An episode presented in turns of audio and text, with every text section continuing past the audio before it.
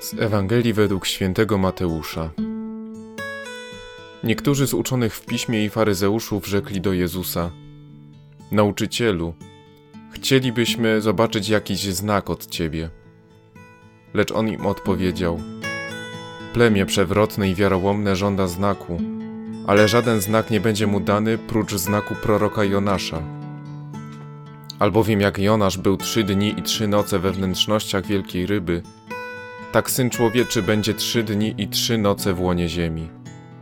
Ludzie z Niniwy powstaną na sądzie przeciw temu plemieniu i potępią je, ponieważ oni wskutek nawoływania Jonasza się nawrócili.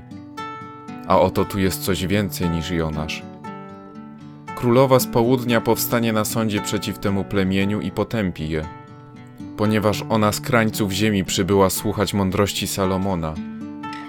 A oto tu jest coś więcej niż Salomon.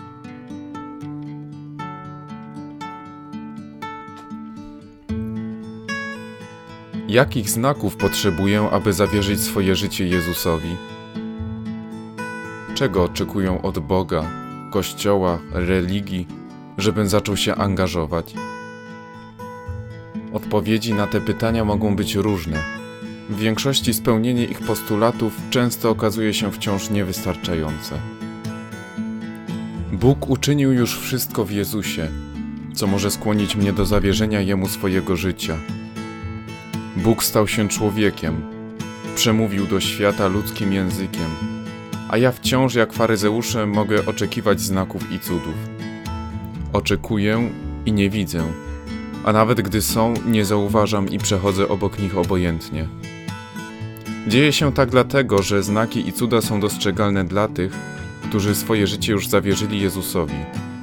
One umacniają wtedy wiarę. Kiedy więc uwierzę? Jak zobaczę znaki? Nie da się uwierzyć, jeśli w znaku nie zobaczę miłości.